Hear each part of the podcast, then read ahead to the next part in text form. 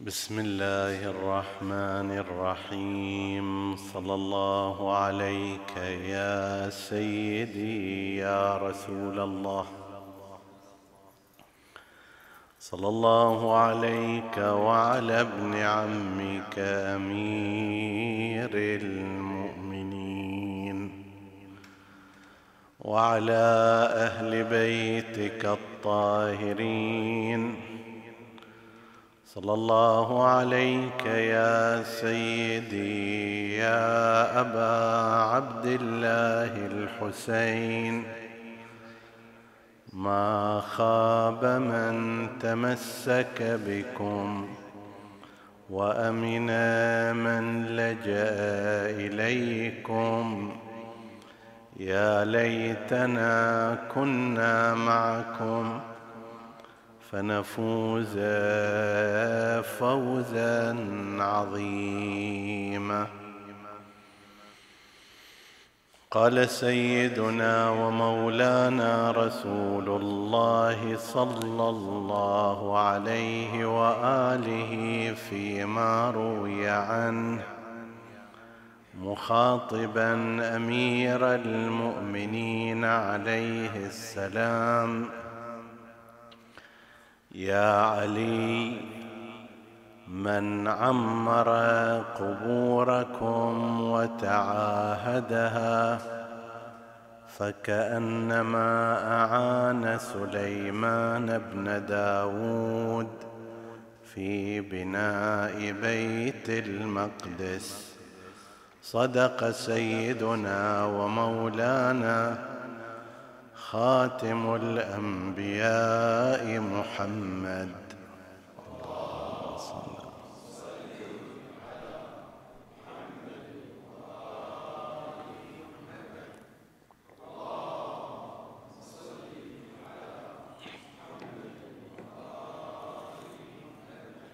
اللهم صل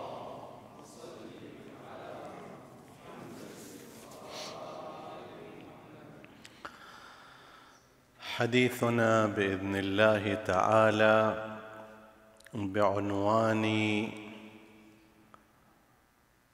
زيارة مشاهد أهل البيت وأضرحتهم أحد تجليات المودة لعترة النبي. وقد سبق في ليال مضت أن بينا واجب الأمة تجاه العترة كما بينا قبلها دور دور العترة في حفظ وحدة الأمة وكيانها وفي حفظ الشريعة والعقيدة. انتهى بنا الحديث إلى واجب الأمة تجاه العترة وذكرنا فيه أن من الواجب المحبة والمودة والاتباع والاقتداء. أحد أنحاء المودة وهي إظهار الحب يرتبط بزيارة مشاهدهم وأضرحتهم ومقابرهم.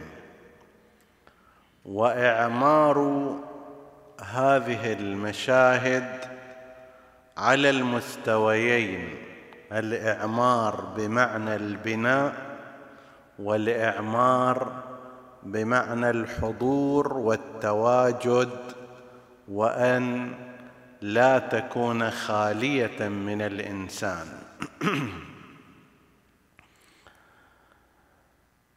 هذا هو حديثنا بإذن الله في هذه الليلة. ينبغي أن نشير إلى بعض الأمور التي تحدد موضوع الحديث.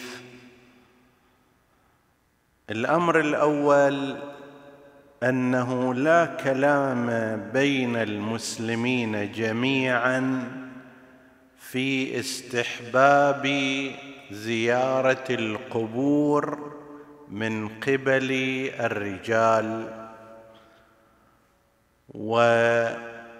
ويستند أتباع مدرسه الخلفاء إلى روايات منها كنت قد نهيتكم عن زيارة القبور ألا فزوروها فإنها تذكركم بالآخرة.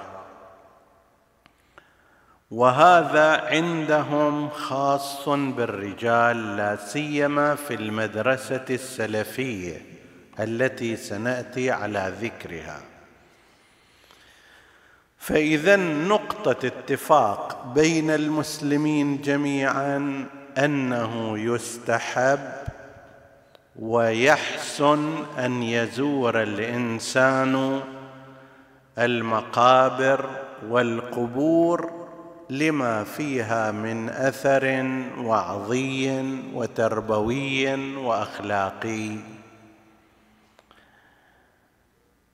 انفردت المدرسة السلفية بين المسلمين جميعا من السنة ومن الشيعة بأمرين. الأمر الأول منع النساء من زيارة القبور والمقابر.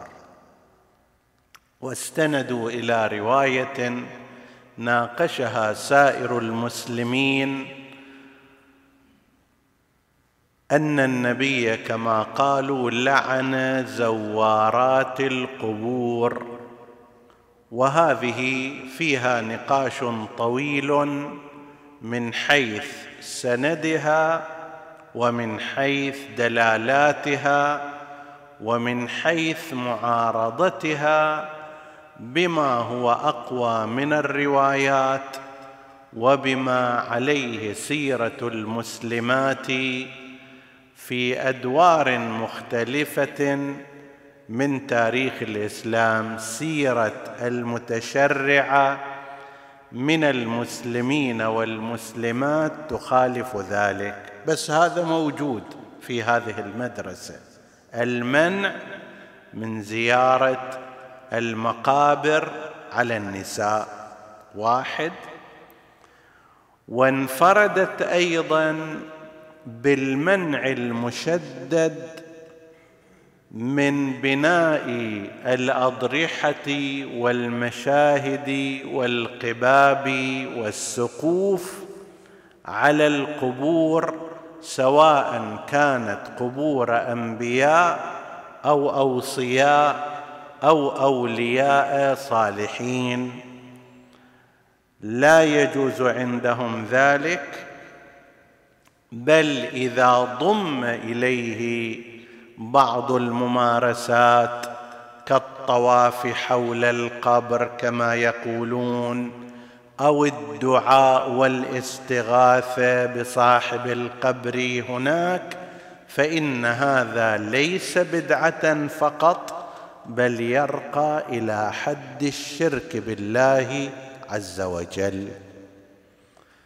هذا فيما يرتبط بالمدرسة السلفية. وبناء على ذلك فإنهم يجدون أن هدم الأبنية والأضرحة والقباب المقامه على القبور امرا طبيعيا فإنه يمنع في نظرهم الشرك وهو من إزالة البدع. وعلى هذا الأساس تم تهديم مقابر واضرحه وقباب في فترات مختلفة من سيطرة اصحاب هذا الرأي. حديثنا سوف يكون في هذا الموضوع في موضوع أن المسلمين عموما باستثناء هذه المدرسة ترى مشروعية البناء على القبور وجواز اتخاذ الأضرحة بما في ذلك القباب بل استحباب ذلك أيضا لما يقيمونه من الأدلة ولما عليه سيرة المسلمين في تاريخ الإسلام. الإمامية في طليعة المسلمين الذين يرون أن اتخاذ المقابر والمشاهد والأضرحة والقباب على قبور الأنبياء وعلى قبور الأوصياء هي من مظاهر مودتهم لأولياء الله وأنبيائه ومن مظاهر مودتهم لعترة رسول الله وخلفائه وأن هذا يرقى كما في أحاديث كثيرة ذكرنا أحدها في أول المجلس ينقلونه عن رسول الله صلى الله عليه وآله عندما سأله أمير المؤمنين عليه السلام ما لمن عمر قبورنا؟ فقال له من عمر قبوركم؟ وتعاهدها أو تعاهدها فكأنما أعان سليمان بن داود على بناء بيت المقدس. كيف أن بناء بيت المقدس سيشكل نقطة جذب لعباد الله لكي يذكروا الله في ذلك المسجد ويصلون إليه ويقرؤون آياته ويتعبدونه كذلك هذه الأضرحة والمشاهد والمقابر المبنية ستقوم بنفس الدور في جذب الناس باتجاه الإيمان وعبادة الله وذكره وقراءة القرآن فكأنما نفس الدور الذي مارسه بناء بيت الم... بناء مسجد بيت المقدس. كذلك ستمارسه هذه المقابر والأضرحة. وعندهم روايات أكثر من هذا. وأما إجمال المطلب عند عموم المسلمين من غير الفئة المانعة التي ذكرناها فكالتالي يمكن أن يستدل عامة المسلمين من الأشاعرة مثلا مدرسة الخلفاء القسم الأعظم فيها الأشاعرة قسم قليل يعدون على أهل الحديث أو ما يعبر عنهم الآن بالمدرسة السلفية.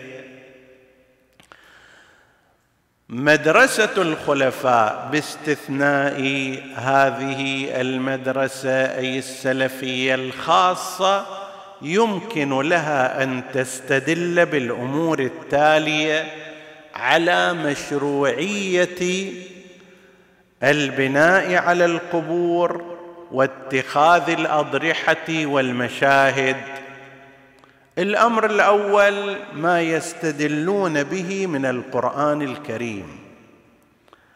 فإن القرآن الكريم عندما تحدث عن قصة أصحاب الكهف وانتهى أنه بعد عدة مئات من السنين التي ناموها في ذلك الكهف وتوفاهم الله. آنئذ حصل خلاف وحوار بين أبناء المجتمع آنئذ وكان فيهم فئة مؤمنة وفئة غير مؤمنة. غير المؤمنين قالوا ابنوا عليهم بنيانا. خل نسوي هذا معلم حضاري متحف نقطة جذب سياحي قضية غريبة ثلاثمية وكذا من السنوات جماعة ناموا ثم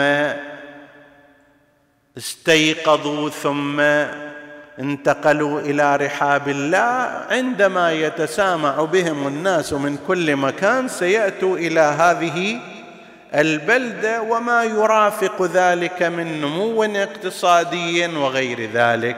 ابنوا عليهم بنيانا. الفئة المؤمنة التي كانت هي الغالبة قال الذين غلبوا على أمرهم لنتخذن عليهم مسجدا. مو نسوي بنيان أي بنيان وإنما نجعل بنيانا من قماشتهم. كيف أن قصتهم كانت عبادة الله عز وجل؟ كيف أنهم صمدوا في هذه العبادة؟ وهربوا بدينهم وحافظوا عليه.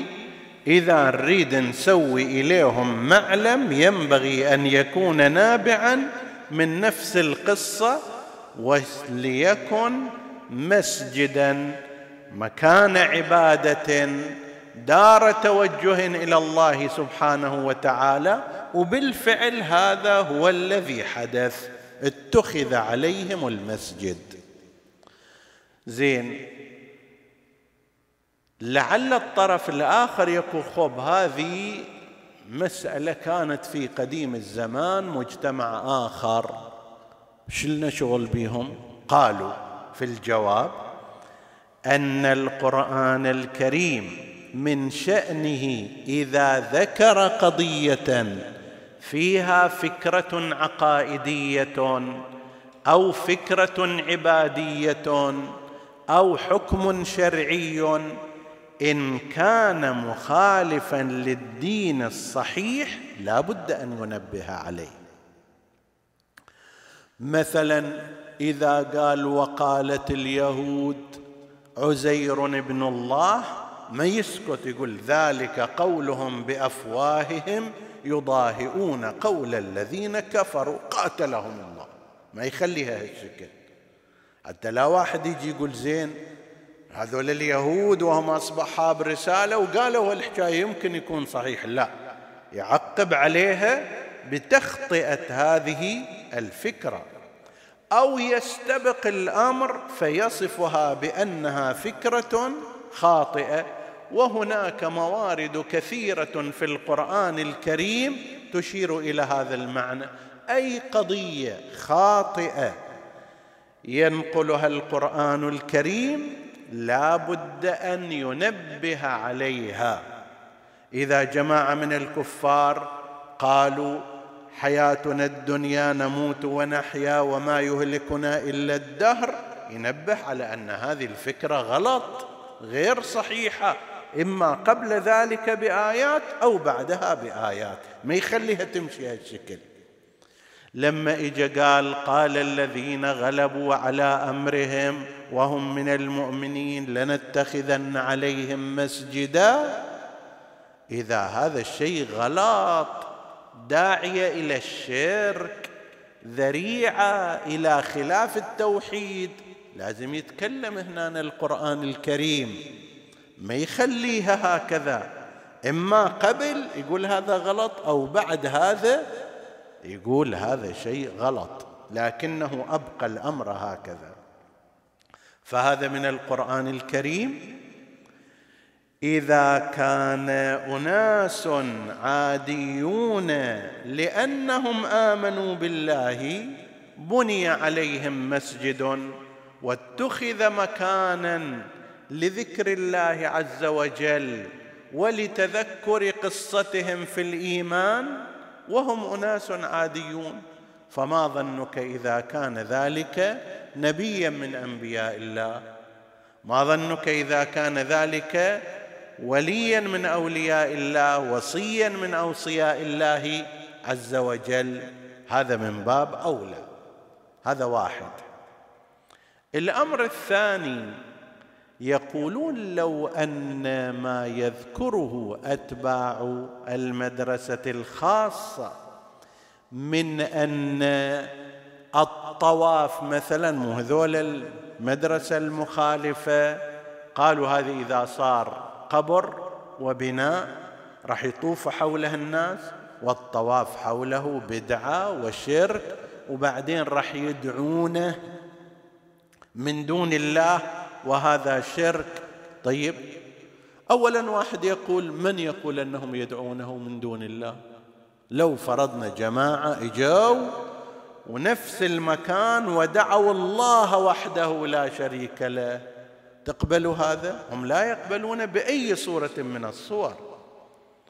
ثم هل أن الشرك هي ألفاظ وكلمات أو اعتقادات؟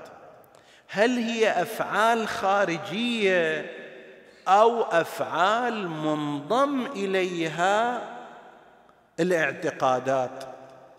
إذا كانت مجرد أقوال تصير شرك فواويله أنا إذن لما يقول مثلا عمار بن ياسر اللات والعزى أفضل وهم الذين يخلقون ويرزقون. لازم خلاص بعد انتهى أمره.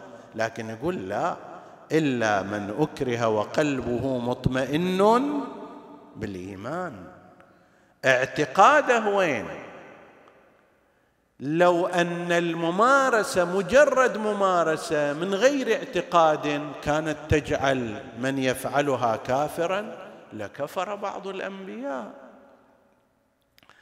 لما جاء يعقوب وأبناؤه إلى مصر واستقبلهم يوسف خروا له سجدا. اللي قال هذا تأويل رؤياي من قبل. إني رأيت أحد عشر كوكبا والشمس والقمر رأيتهم لي ساجدين. زين. إذا افرض ذولاك سووا عمل مو عدل نبي من أنبياء الله يعقوب. يعقوب نبي مرسل. طيب من أعاظم الأنبياء والد يوسف. إذا كان مجرد الفعل وهو السجود سجود بعد ما في أعظم منه في التعظيم. ولذلك أحسن العبادة السجود لله عز وجل. كل البدن يصير على الأرض.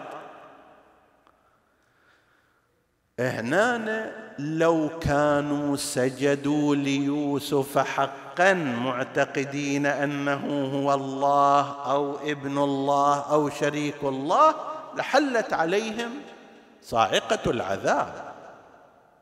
لكن خروا سجدا لله لكن لجهة يوسف. هم شاكرون لله حامدون لله بما من الله عليهم لكن في جهة يوسف ليست عبادة له. فاذا الفعل بنفسه لا يدل على الشرك إلا إذا انضم إليه ماذا؟ الاعتقاد. إبليس والملائكة الله سبحانه وتعالى أمر الملائكة بأن يسجدوا لآدم. يسجدوا لآدم بأي اعتبار؟ باعتبار أنه رب؟ كلا. شريك الرب؟ كلا. ابن الرب؟ كلا. وإنما لأنه عبد من عبيد الله عز وجل. اسجد له هذا أمر الله.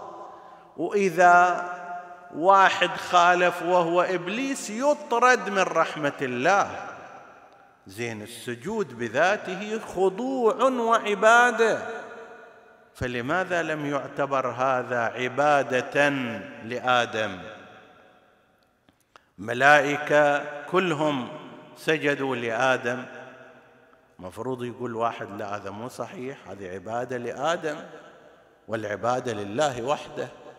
لا هذه الحركة ليست عبادة. حتى لو إنسان سجد هكذا ولم يكن ناويا الخضوع لله عز وجل ليست عبادة هذه. هذا التمرين سويدي يصير.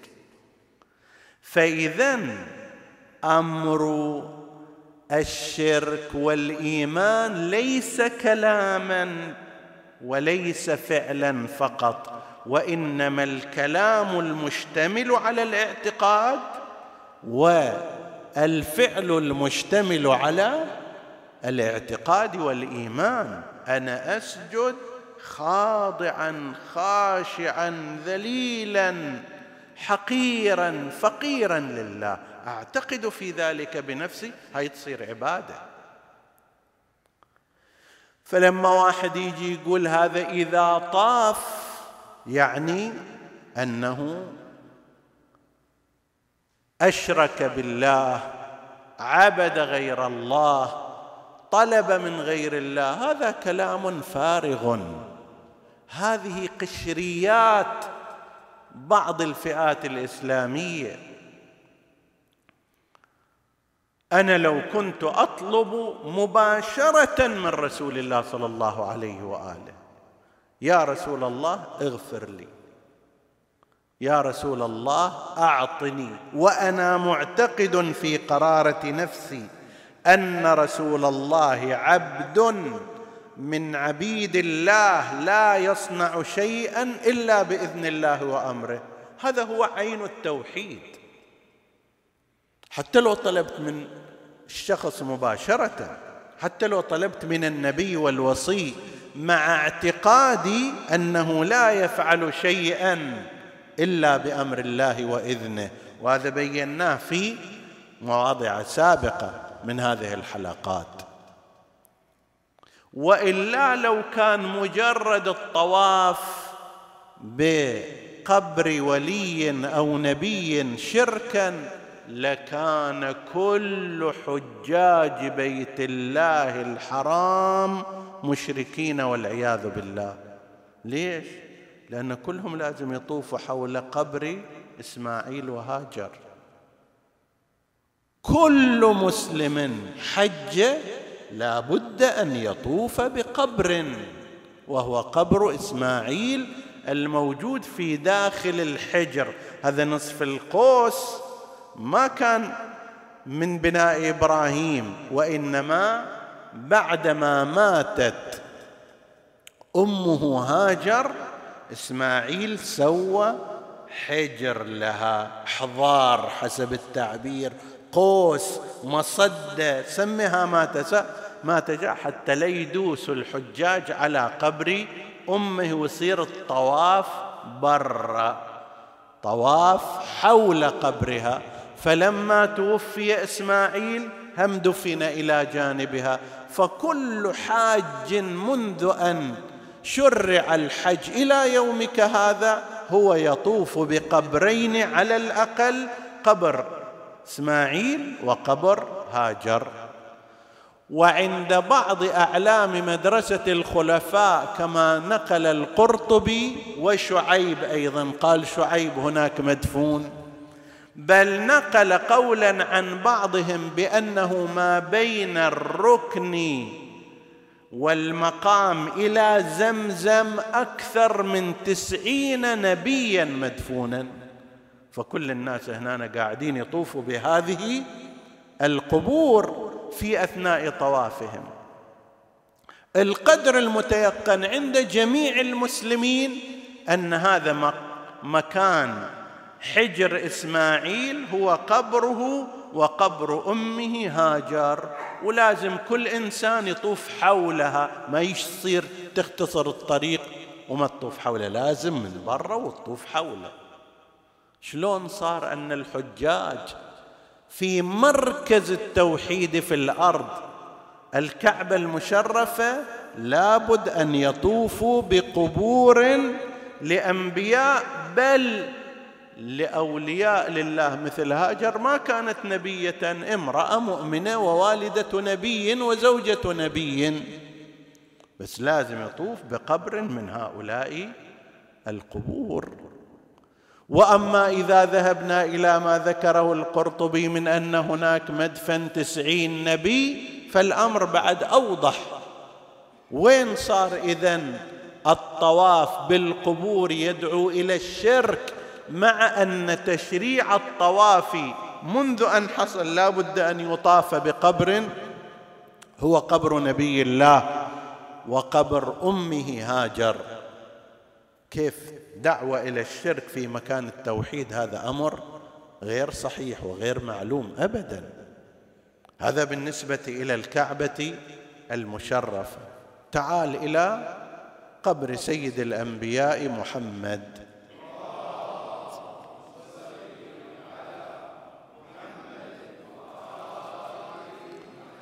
رسول الله صلى الله عليه وآله دفن في منزله. مدرسة الخلفاء تعليلها في ذلك أن كل نبي إنما يدفن في مكان قبضه. ما ينقلوه منا ومناك. هذا هل هو صحيح بالنسبة إلى كل الأنبياء أو لا؟ لسنا في صدد تحقيقه الآن. لكن هذا موجود عندهم وقالوا لذلك دفن رسول الله في بيته وقالوا أيضا إنه في حجرة زوجته. نسأل هنا. بيت رسول الله كان فيه جدران وعليه سقف ومكان ومبني لو لا إذا لا هذا غير معهود. بيت بعد. وإذا كان كذلك فإما أن يكون صحابة رسول الله بمن فيهم زوجاته خالفوا هذا الأمر. ما يجوز يصير هناك بناء على القبر ولا فرق بين أن يكون البناء من أول مسوى أو بعدين. ما الفرق في ذلك؟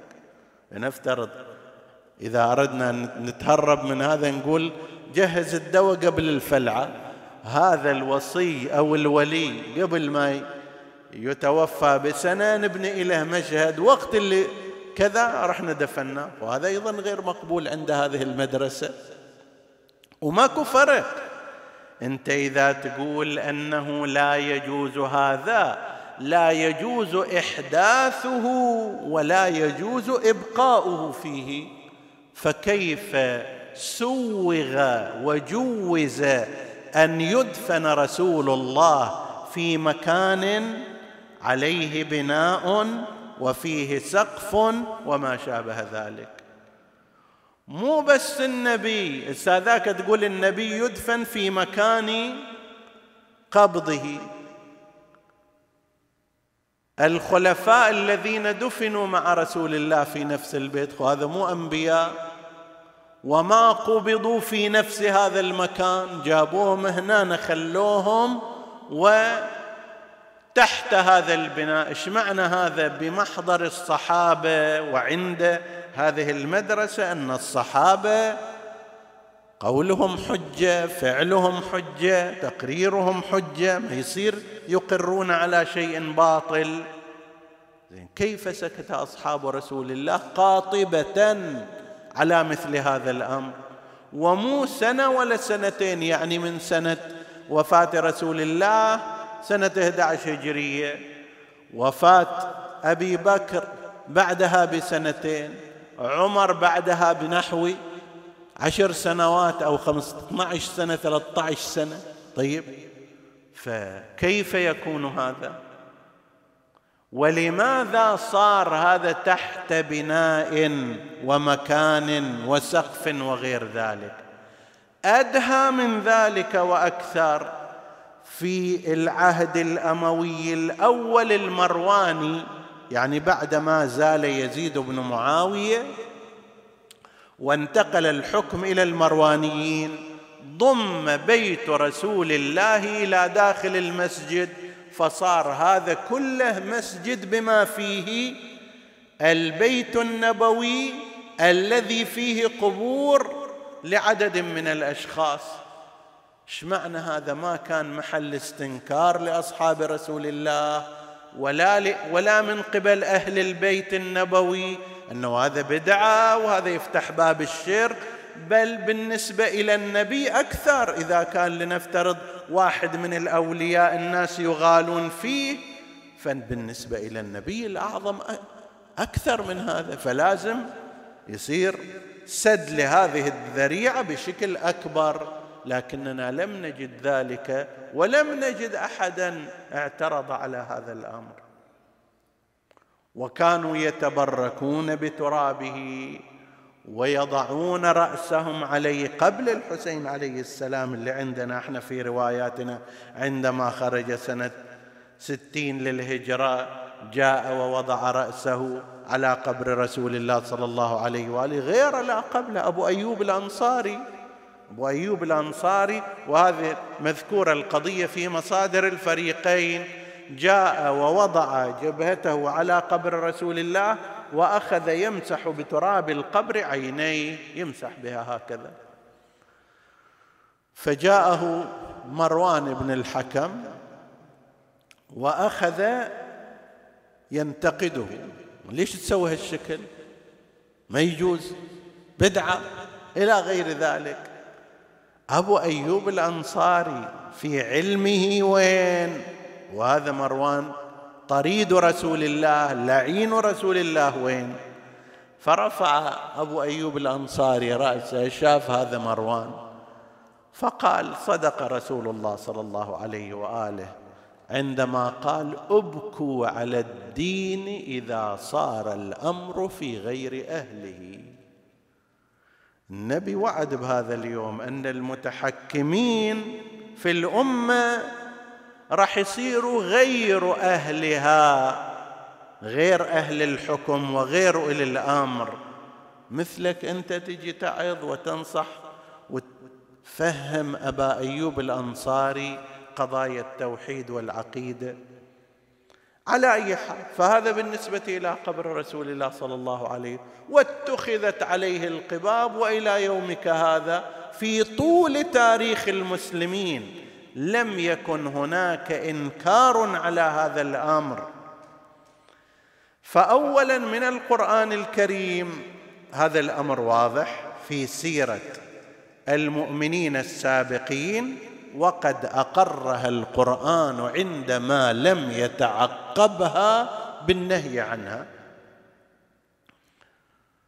كان بإمكان القرآن الكريم لما قالوا لنتخذن عليهم عليهم مسجدا أن يقول وقد أساءوا في ذلك ولم يعرفوا طريقة التوحيد الصحيحة وأن هؤلاء مثلا انتهوا إلى الشرك وما شابه ذلك. والحال أن القرآن الكريم مشى عليها في سياق تحسين العمل. إنه لا لا تتخذوا بنيان مجرد من الإيمان. ما فيه جهة وإنما اتخذوا عليهم مسجدا. هذا هو المطلوب. كذلك بالنسبة إلى قضية الكعبة المشرفة فإنه لو كان أمر الطواف بالقبور والوصول إليها فيه هذا المحذور العقائدي أي مو مسألة فقهية. تقول هذا يؤدي إلى الشرك أي مسألة عقائد. المفروض هنا أن يغير الاتجاه. يابا بدل ما تطوفوا برا طوفوا من داخل حتى تكسروا سالفة الطواف بالقبور. هذا قبور. وناس عاديين هاجر امرأة عادية ليست نبيا. ابنها نبي ولكن هي مع ذلك طف حول قبرها وادعوا الله هناك. لا تسكت. واحد يقول لا أنا الآن ما دام دا أطوف بقبر لازم أسكت. ما أدعو حتى لا يصير في طوافي خلل. لا. هناك ادعوا الله وفي سائر الأماكن. وقبر رسول الله صلى الله عليه وآله وضمه إلى المسجد النبوي الشريف بل وطواف الناس حوله إلى يومنا هذا. إلى يومنا ترى هذا أن واحد يمشي هالشكل. سيدة هو هذا طواف ها؟ طواف مو لازم تدور حوله سبع مرات.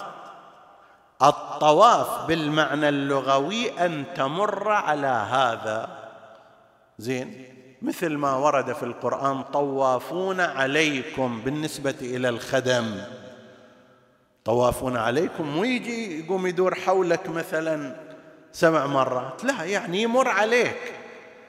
هنا أيضا عندما تمر على رسول الله صلى الله عليه وآله وعلى قبره هذا طواف.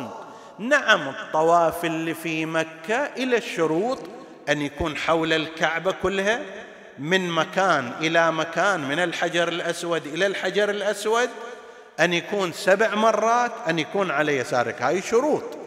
في ذلك الطواف ولكن أصل معنى الطواف اللغوي هو هذا أن تمر عليه وأنت الآن تطوف برسول الله صلى الله عليه وآله. إذا فعلا واحد ما يريد يصير طواف لازم يسكر هذا من كل الجهات. على أثر هذا يذهب عامة المسلمين إلى أن إعمار المشاهد والأضرحة والمقابر مو بس مشروع وإنما هو سيرة المسلمين الثابتة خلال هذه السنوات الطويلة. مو في مكان الان اخذ تركيا إلى ما شاء الله أولياء علماء طيب مؤمنون مقابر وأضرحة.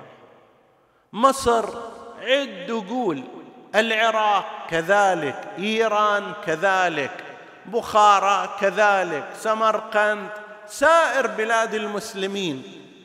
مما يكشف عن أنه في ذهنية المس... وهذه مو اليوم تعمرت وإنما على مدى التاريخ الإسلامي يكشف ذلك عن أن هذه الممارسة وهذه السيرة كانت سيرة مستمرة متصلة بالزمان الأول بعد رسول الله صلى الله عليه وآله وتسلمها الأخلاف عن الأسلاف من غير إنكار ولا مانع.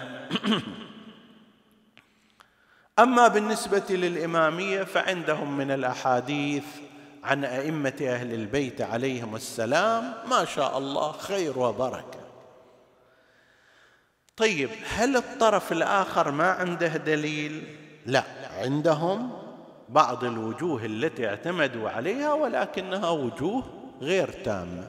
أول شيء عمدة دليلهم في ذلك ما ورد في صحيح مسلم بسنده إلى أبي الهياج عن أمير المؤمنين عليه السلام قوله أمرني رسول الله ألا أدع تمثالا إلا طمسته ولا قبرا مشرفا إلا سويته.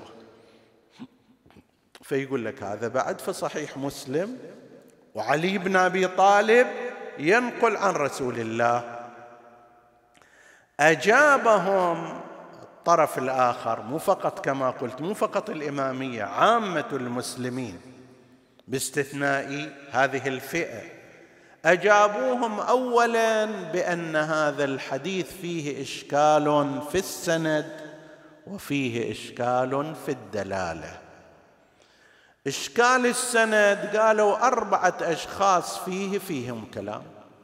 واحد يقال له أبو وائل وكان يعد من مبغضي أمير المؤمنين عليه السلام. معروف عنه شنو هذا اللي من مبغضي أمير المؤمنين ينقل حديثا عن علي بن أبي طالب؟ هاي مفارقة. عد من الخوارج والمبغضين لعلي. الثاني قالوا سفيان أيضا فيه كلام. الثالث حبيب ابن أبي ثابت قالوا عنده تدليس يعني يصنع. يصنع شنو؟ أسانيد. شلون أنت تصنع بقلاوه وهو هم يصنع شنو؟ أسانيد. وأما أبو الهياج الذي ينقل مباشرة عن علي عليه السلام فهذا عند الإمامية أصلا غير معروف. أصحاب عليين أتباع عليين أنصار عليين عمار مقداد مالك فلان فلان أبو ذر معروفون. واحد أبو الهياج هذا من وين؟ احتاج حسب التعبير. لا لا يعرف له أصل ولا فصل. وثانيا هذا لا يوجد له أي حديث في كتب الحديث إلا الحديث بس هذا. عفي عليه وجد في ذلك الزمان حتى يروي حديث عن علي بن أبي طالب وهو ليس معروفا في بيئة الإمام ولا في شيعته ولا في هالطبقة هذه. مثل هالأحاديث يرويها يرويها عمار يرويها أبو ذر يرويها سلمان يرويها الحسنان يرويها ابن عباس خازن علم علي بن أبي طالب. إلى وجه. أما واحد لا يروي أي حديث أي حديث لا يروي في الكتب السنة عند غير الإمامية ولا في غيرها بس هذا الحديث اليتيم. هذا بالنسبة إلى السند ماله. بالنسبة إلى المتن والدلالة إجوا قالوا ماذا يعني لا تدع قبرا مشرفا إلا سويته المدرسة هذه الخاصة التي نتحدث عنها التي تجعل هذا بدعة تقول سويته يعني البناء كله هدمته قبة ساويتها بالأرض. جدران تحطمها أعمدة تكسرها. هذه سويته. طيب وبناء عليه تم مثلا القيام بأعمال هدم قبور البقيع وغيرها وحتى اتباع المدرسة حتى في الوقت الحاضر. لما في بعض الأماكن صار عندهم قوة فجروا أماكن وهدموا قبور وأضرحة. وكانوا يتمنون أنهم لو تمكنوا ما أبقوا ضريحا مبنيا على الإطلاق. وقضية ضريح الإمام العسكري عليه السلام شاهد على ذلك. هذا بناء على الفهم أنه لا تدع قبرا مشرفا إلا سويته يعني كسر حطم دمر الأعمدة اهدم القباب إلى غير ذلك. الطرف الآخر يقول لهم هذا احتمال. هناك احتمال آخر هم يرونه هو الأصح وهو أن التسوية في الشيء هي عبارة عن إزالة النتوءات والارتفاعات والانخفاضات. تقول هاي أرض متعرجة سويها. يعني شنو؟ خليها على مستوى واحد متساوية الأجزاء. حديدة معوجة سويها وخليها مستوية مستقيمة.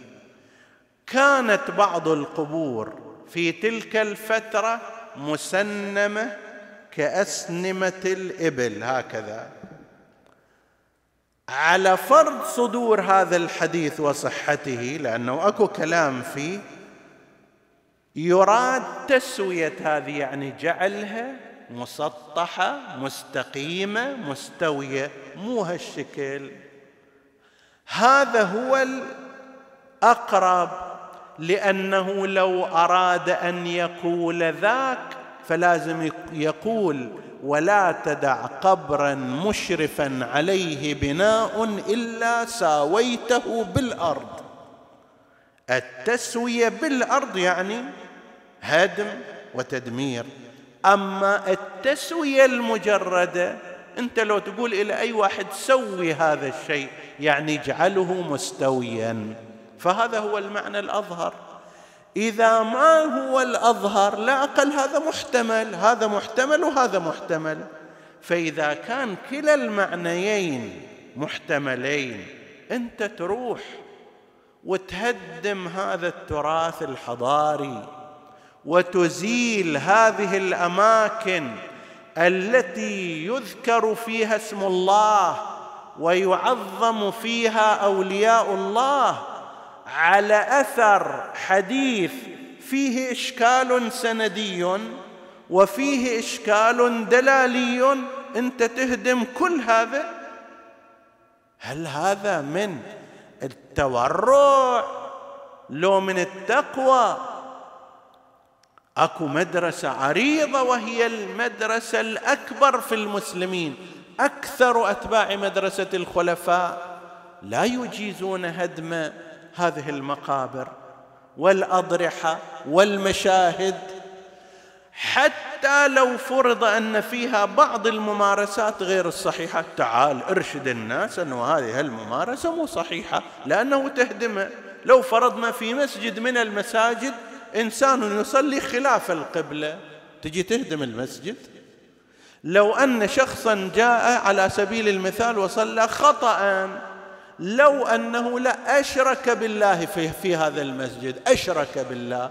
قال أنا أصلي لإلهي الخير والشر. تجي تهدم المسجد؟ لو تجي تنهى هذا الإنسان وترشده. أنت تجي تهدم إلك هالمقابر هالمشاهد هالأضرحة اللي هي صارت مألف للناس. بدل ما صارت ما صار مألف الناس في كثير من الأماكن. المراقص وأماكن الفساد وأماكن اللهو. أنت ذيك ما عليك منها تجي إلى ضريح لا يتلى فيه إلا آيات الله ولا يذكر فيه إلا اسمه ولا يصلى إلا له ولا يدعى إلا هو. وتهدم هذه الأماكن علشان حديث أيضا ملتبس من كل الجهات. طيب. وأمثال ذلك مما ذكروه أيضا بعض الأحاديث اللي بنفس القيمة. لعن الله النصارى واليهود اتخذوا قبور أنبيائهم مساجد. زين. إشكال اليهود والنصارى في اللعن أنهم اتخذوها مساجد لو قالت اليهود عزير ابن الله والنصارى المسيح ابن الله وعلى هالأساس يقدرون ويقدسون أنبياءهم. على هالأساس لاعتقادهم بأنهم أبناء الله. هذا هو عين الشرك. يستحقون اللعنة. واحد مؤمن مسلم متدين يتوجه إلى الكعبة ويصلي ولكن إلى جانبه قبر ولي من أولياء الله مؤمن من المؤمنين نبي من الأنبياء ما الضير في ذلك؟ بالعكس إعمار قبورهم كما يقول رسول الله فيما نقله الإمامية عنه مخاطبا أمير المؤمنين عليه السلام من عمر قبورهم وتعاهدها فكأنما أعان سليمان بن داود في بناء بيت المقدس لنفس الدور المشترك للغاية الواحدة في جمع الناس إلى حياطة الله عز وجل وفي حيطته وضمن عبادته. فلذلك اعتمد أئمة الهدى وشيعتهم على هذا الأمر ودعوا إليه وشجعوا عليه وفي المقابل سبحان الله يعني التاريخ كأنما طريقان. طريق الطواغيت فراعنة الأمة كانت في طريق هدم القبور وتحطيم الأضرحة. متوكل العباسي وأمثاله طيب وطريق الصالحين والأولياء وعترة النبي هو في طريق إعمارها وإشادتها. زينب العقيلة سلام الله عليها أشارت إلى هذه الحقيقة بصفاء بصيرتها قالت لقد أخذ الله للامام زين العابدين لقد أخذ الله العهد على أناس لا تعرفهم فراعنة هذه الأمة. فراعنة هذه الأمة يعرفون أهل السهر والطرب والخمر وما شابه ذلك. ما يعرفون هذول الصالحين؟ عامري بيوت الله وعامري أضرحة أولياء الله.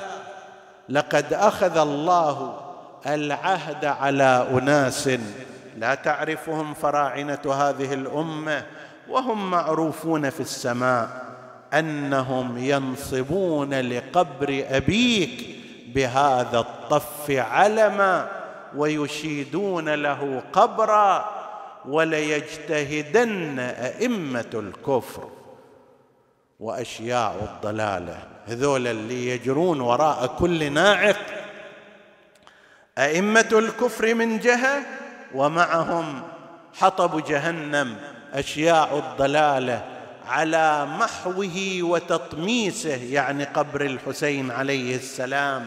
فلا يزداد إلا علوا ولا يزداد أثره إلا سموا. وهذا ما وجدناه ونجده في ذلك ما دامت قلوب المؤمنين تضج بالشوق إلى تلك المقابر والضرائح والمشاهد. اللهم ارزقنا زيارة الحسين. أول زائر من زوار الحسين كان جابر بن عبد الله الأنصاري. نعتقد بعد النبي وأئمة الهدى عليهم السلام وأمير المؤمنين وفاطمة ذولاك في عوالمهم زاروا الحسين عليه السلام. لكن حديثنا عن العالم الخارجي ممن زار قبر الحسين جابر بن عبد الله الأنصاري لما وصل إليه اغتسل في الفرات وأفاض على نفسه شيئا من الطيب ثم قال لعطية العوفي يا عطية ألمسني قبر الحسين جاء عطية ووضع يد جابر بن عبد الله على قبر الحسين فاض فيه تيار الاسى ونادى من أعماق قبله حبيبي يا حسين حبيبي يا حسين حبيب لا يجيب حبيبة وأنى لك بالجواب سيدي. وقد شخبت أوداجك على أثباجك وفرق بين رأسك وبدنك. أشهد أنك ابن حليف التقوى وسليل الهدى. وابن فاطمة الزهراء وخامس أصحاب الكساء. فطبت حيا وطبت ميتا غير أن قلوب المؤمنين غير طيبة لفراقك. متى عهدك بزيارة الحسين؟ متى وضعت فمك مقبلا ضريح الحسين؟ نسأل الله أن يسهل لمن يسمع زيارته ومقصده غير أن قلوب المؤمنين غير طيبة بفراقك ولا شاكة في حياتك وحق رأسك المقطوع. يا شمس المضية للحشر ما ننسى مصابك والرزي. ننسى وسهم الصاب قلبك يا ذرى ذلنا وفت قلوبنا ونكس لوان. وتقطيع جسمك بالثرى قطاع. أمعانه خيل وطت صدرك على حر الوطي داسيت يا بن حيدار على قلوب المحبين بقلوبنا نخليك عاري بغير تكفي. وذبح الطفل ننسى هذا محال. ولا ينسى ركوبي الوديعة على مطيع. يا حسين كلنا نعتني لك كربلا بس ما نوصلكم نعاين ذيك القبور. ندخل الحاير بالحنين ولطام الصدور ونصير مثل الجلب لو فارق حمية وصريعا عالج الموت بلا شد لحييه. ولا مد ردا نسألك اللهم وندعوك اغفر لنا ذنوبنا. كفر عنا سيئاتنا آمنا في أوطاننا. لا تسلط علينا من لا يخافك ولا يرحمنا. ولا تفرق بيننا وبين محمد واله طرفة عين. فض اللهم إخواني السامعين فردا فردا واقض حوائجهم. وتقبل عمل المؤسسين بأحسن القبول إلى أرواح موتاهم وموتى السامعين. نهدي ثواب الفاتحة تسبقها الصلوات.